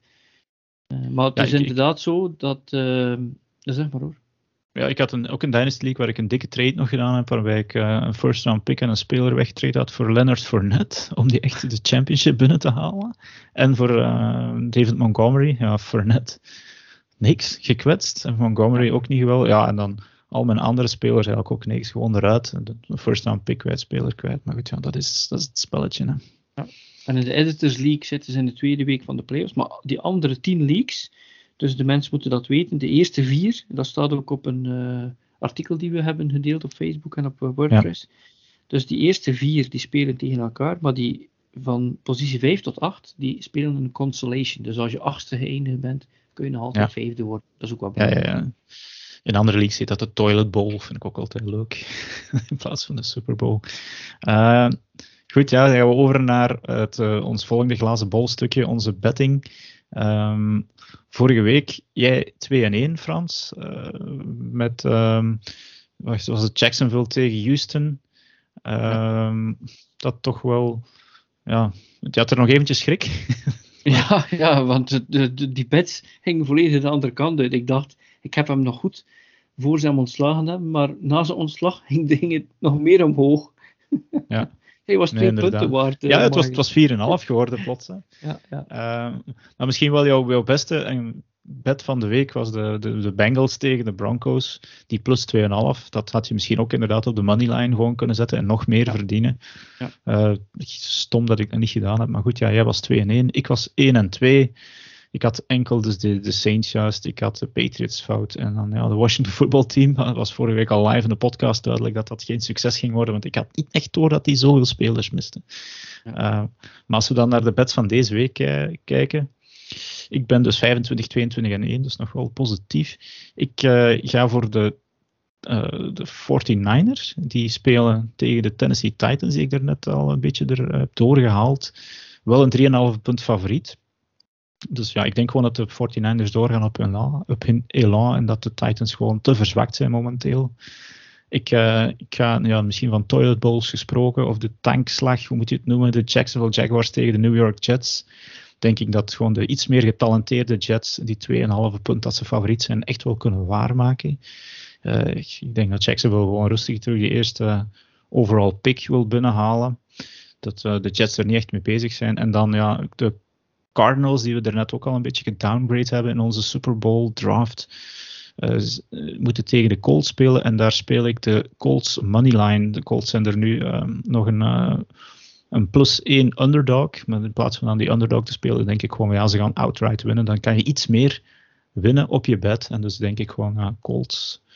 En jij hebt een, een nieuwe dog week, Frans. Ja, het is een volledige dog week. Baltimore plus 2,5 tegen Cincinnati. Uh, Baltimore die had met een backup quarterback kunnen winnen van de Packers. En de Bengals die hadden het moeilijk tegen de Broncos en een backup quarterback. Ja. Dus de Ravens winnen. Of, moet ik erbij zeggen, gaan voor twee aan het einde van de wedstrijd en verliezen met één punt. En dan heb ik nog altijd ja. een held binnen. okay, uh, de Bengals staan wel in jouw ranking. Je hebt ze, we hebben ze op 7 gezet. Ja, ik zie nu net dat ik met mezelf heb ingesproken. Dat is het leuke aan uh, dit doen. Ja, als, ja, ja als niemand hier naar luistert, dan heb ik ook geen, geen leugens verteld. Ja, nee, nee. Uh, Buffalo plus 2,5 tegen New England. Uh, Sean McDermott kan deze wedstrijd misschien wat slimmer coachen dan de eerste wedstrijd. Toen ja. hij verloor tegen een Bill Belichick die zijn quarterback drie keer liet passen. Dus ik denk zelfs als, al verliest Buffalo dan met één of twee punten. En dan mm -hmm. de, de dog week vervolgen doe ik eigenlijk met een sentimentele pick. Uh, ik weet dat New Orleans een top defense heeft. Maar aanvallend lijkt het niet alsof Camara erin komt. Heb ik dat net ook vermeld. Mm -hmm. En het is mijn Miami Dolphins, Miami plus 3. Ja. Dus ik, vind, zie uh, Miami winnen of nipt ja, ik, vind, ik vind dat je goede bets hebt deze week, Frans. Ah, ik, uh, ja, ja, ja, ja, ja, ja, ik, zou er, ik zou er ook... Als ik vorige week van jou die, die van de Bengals zag, dacht ik van ja, crap, daar moet ik eigenlijk ook gewoon geld op zetten. Maar ik heb dat eigenlijk niet gedaan. Maar ik ben 24, uh, 22 en dat, ik wil niet dat ik straks 30-30 ben. Want dan, dan heb ik heel veel effort gestopt en heel weinig. Ik wil echt wel iets ja. over hebben dat ik er toch minimum uh, iets kan van gaan eten of van gaan drinken.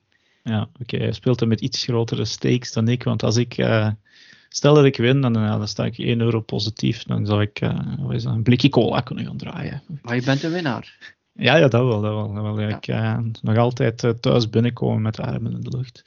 Uh, het, het, stukje college ga ik heel beperkt houden deze week. Het is bowl season.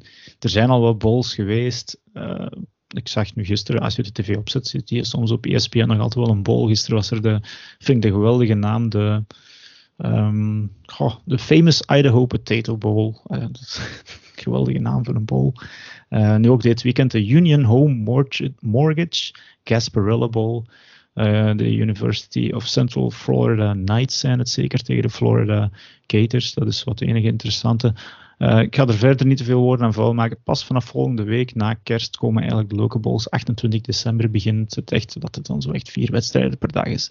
Dus volgende week ga ik er zeker wat meer over vertellen, maar deze week eigenlijk zeker niet. Uh, dan gaan we stilletjes naar het einde van deze podcast toe.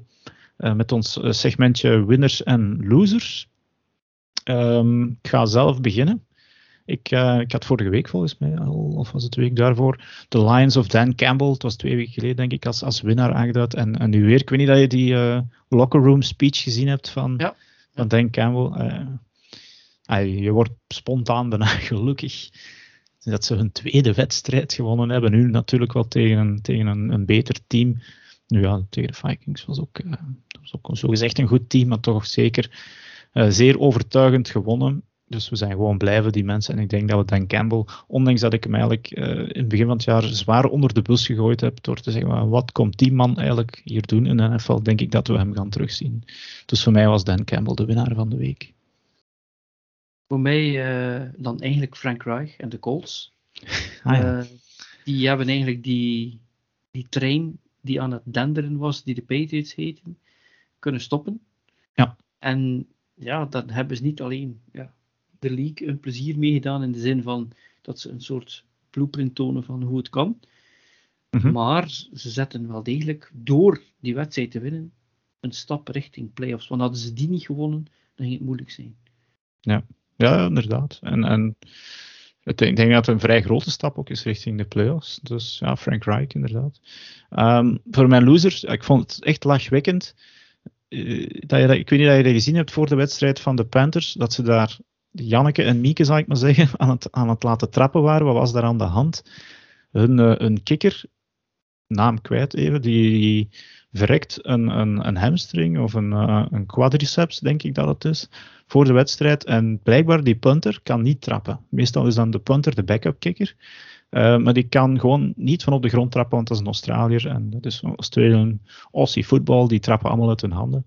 En dus hadden eigenlijk niemand die daar kon trappen. En dan zag je er in de opwarming dus van een pro-NFL-wedstrijd, linebackers, um, uh, ja, gewoon je kon het niet verzinnen. Iedereen mocht eens even trappen tussen de palen voor te zien aan wie is hier nu het minst slecht.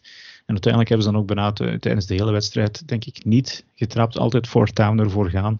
Dat dat op dat niveau nog kan, is eigenlijk, ja, het spreekt niet in het voordeel van Matt Rule en de, de coachingstaf dat je er geen backup plan voor hebt. Terwijl dat ze eigenlijk nog een beetje in de playoff hunt zaten, nu niet meer. Maar goed, ja, ik vond dat een redelijk triestige situatie om te zien op dat niveau. Het is ja, bijna cafévoetbalachtige tafereelen, vond ik. Maar... maar het andere team was aan het kijken van wat is er daar gaande. ja, je want, speelt er ook nog wel tijd aan. Want, ja, want je, je, bent headcoach en alles dat je kan uh, uh, regelen en, en vooraf plannen, doe je. Weet je wie dat nog niet tegen zou komen? Bill Belichick natuurlijk. ja, natuurlijk Bill ja. Belichick had ooit als quarterback of backup quarterback Doug Flutie, de legendarische Doug Flutie, omdat wij even groot zijn, vandaar. Ja. Als je ooit Doug Flutie uh, zoekt op, uh, op YouTube en je kijkt wat die kerel allemaal gedaan heeft, niet dropkick, normaal. Ja. Maar die heeft de dropkick gedaan. Ja. Dat wil dus zeggen, die Australische kikker had toch tenminste kunnen dropkicken, of dat probeert. uh, ik had dat willen zien, maar ja, een, een dropkick van op 30 yards is natuurlijk wel niet zo eenvoudig. Maar... Wat er ook wel speciaal is, is dat er uh, in de NFL spelers zijn die echte voetbalfans zijn, niet van Real Madrid of Barcelona. Mm -hmm. ja, ja, ja. Bijvoorbeeld in de tijd, die Chad Ochocinco, die heb ik ooit ook een extra punt. En die ja. heeft ook nog een field goal geprobeerd zelf, denk ik. En mm -hmm. uh, blijkbaar OBJ is ook een voetbalfan. Zou ook ah, ja. een beetje een soort backup kicker zijn. Uh, ja. ja, maar ja, dat is toch ergens een, een, iets dat je ooit rekening mee moet. Ik vond uh, het is een 53-man roster. Oké, okay, dat je er geen twee kikkers op zet, dat snap ik. Maar dat is toch één iemand nog hebt die tegen een bal kan trappen. Ik had in dan... België met mijn team, wist ik gewoon Dale Housden in Australië, ja, ja, de beste kikkerpunter ooit in België. Dat was mijn kikker of mijn punter. Maar als daar iemand uitviel, dan wist ik sowieso wie nummer 2 en wie nummer 3 was. In België, alsjeblieft. Ja. en dat hadden dus... we ook geoefend. He, die mannen konden allemaal zeker een 30 jaar er kicken. Allemaal. Ja. Dus ja. ja. En dus in de NFL, op het hoogste niveau, had Matt Rule dan echt niemand die een, nog maar een extra punt, dat is een 30 jaar en dan kan trappen eigenlijk. En ja, oké, beschamend. Dus ja, uh, er zijn misschien andere losers. Uh, er is geen uitgesproken Urban Myers. Maar heb jij nog iemand kunnen vinden, Frans? Uh, ik, had, ik had het nu net in mijn hoofd wie de loser was. En nu ben, ben ik het weer kwijt. Ehm, kan, kan, gebeuren. Nee, ik had iets dat al eens vermeld was. Dus daarom moest ik nu iets anders nemen. En dan moet ik heel hard nadenken. het ging over die die common sense van die. Ja, ik weet wat het is.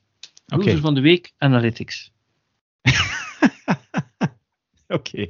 Okay. ja, het is ja, volledig begrijpbaar. En uh, het kost dus eigenlijk de, uh, de Chargers een wedstrijd waarschijnlijk. Um, en de Ravens. Dus ja, go, de Ravens ook. Ja, go with the flow en go with your guts. En doe misschien gewoon eens even, even verstandig. En volg niet altijd gewoon de clipboard of de, de stats of wie dat ook inderdaad is. Oké, ehm, dan kijken we nog eventjes vooruit en dan naderen we het anderhalf uur al zie ik naar volgend weekend. Het is weer een, een slate met uh, zaterdag, um, ja, Thursday night natuurlijk met de Niners en de, de Titans, maar dan op zaterdag. En ben jij het Frans of is het Jurgen zaterdag? Ja, zaterdag ben ik het op kerstavond. Browns, Packers, 10 uur 30. Ja kerstavond. Dus uh, ja, dat is na de kalkoen dan, of na de, de feestes, of uh, ja. geen feestes, voorbereiding. En, er is nog niet veel alles... feest, zeker met die COVID. ah ja, nee, ja, maar toch. Uh, ja. Nee, oké. Okay. En dan Jurgen kan dan op zondag aan de bak. Um, op 11 Sports op om 25 na 10. Hij zal de Steelers ja. en de Chiefs dan voor zijn rekening nemen. Denk ik wel, ja. ja, ja. En hopelijk moet hij deze keer niet uitwijken naar uh, moest hij naar het maandag of dinsdag gaan? Het was maandag, denk ik. Ja.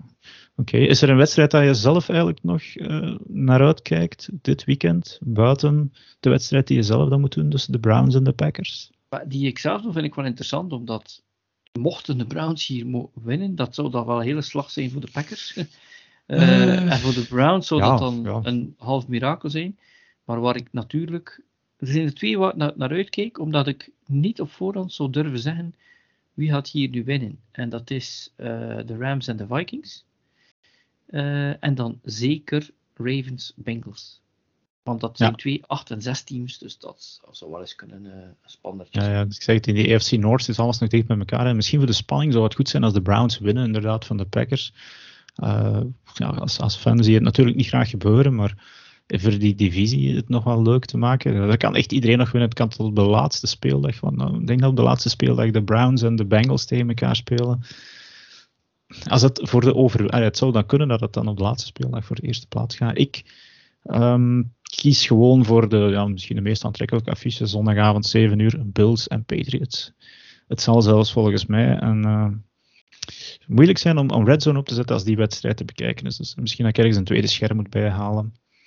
Of ja, hoe doe jij het Frans? Vier schermen? Nee, twee schermen. Ja, nee, ja. Als, als de match op 11 is, kijk op 11. En uh, ja. voor die andere, je kan er ook meerdere, meerdere tegelijk openen. Hè? Ja.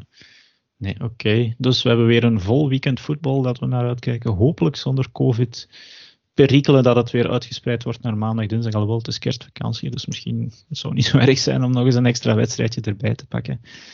In ieder geval, Frans, we zijn rond. We zitten ongeveer op het anderhalf uur. De Tide 90 is niet gehaald, zag ik, maar geen probleem. Bij onze Super Bowl draft hebben we het een beetje langer getrokken, maar dat mocht ook wel eens een beetje gewoon uh, fun buiten onze vatten. Vaste categorieën. En we zijn maar met twee. Ja, ik weet het. Ik weet het maar. De, familie van de Berg heeft ervoor gezorgd dat die Tide 60 op een of andere manier nu een Tide 90 is geworden. Ja. Maar ja, kijk. Zo, ja, het is het is misschien zo gekomen, ik ben vorig jaar van werk veranderd en in plaats van een commute van twee keer een half uur is bij mij twee keer drie kwartier geworden. Dus ik moet netjes anderhalf uur kunnen vullen. Dus ik, ik, het zal maar moet, moet ook eerlijk zijn, hé. dat kan niet slecht zijn, hé. meer Frans en meer Dirk. nee, nee, nee, nee, nee. Ik, zit, ik, uh, ik zie het altijd graag terugkomen. Dus, Normaal gezien ga ik daar nu bij zeggen, het is voor de vrouwtjes, hé. maar degene die die, die die grap gemaakt heeft, die... Uh, ja, pas op, uh, dus ik heb het nog niet vermeld, maar ook deze podcast is te bekijken op YouTube. We zien dat er toch elke week enkele tientallen uh, mensen toch op YouTube bekijken. Dus wij zullen ook weer, hopelijk als alles technisch goed gaat, te zien zijn op YouTube. YouTube.com slash, en dan weet ik het niet juist, maar zoek gewoon AFC Belgium en dan vind je ons wel.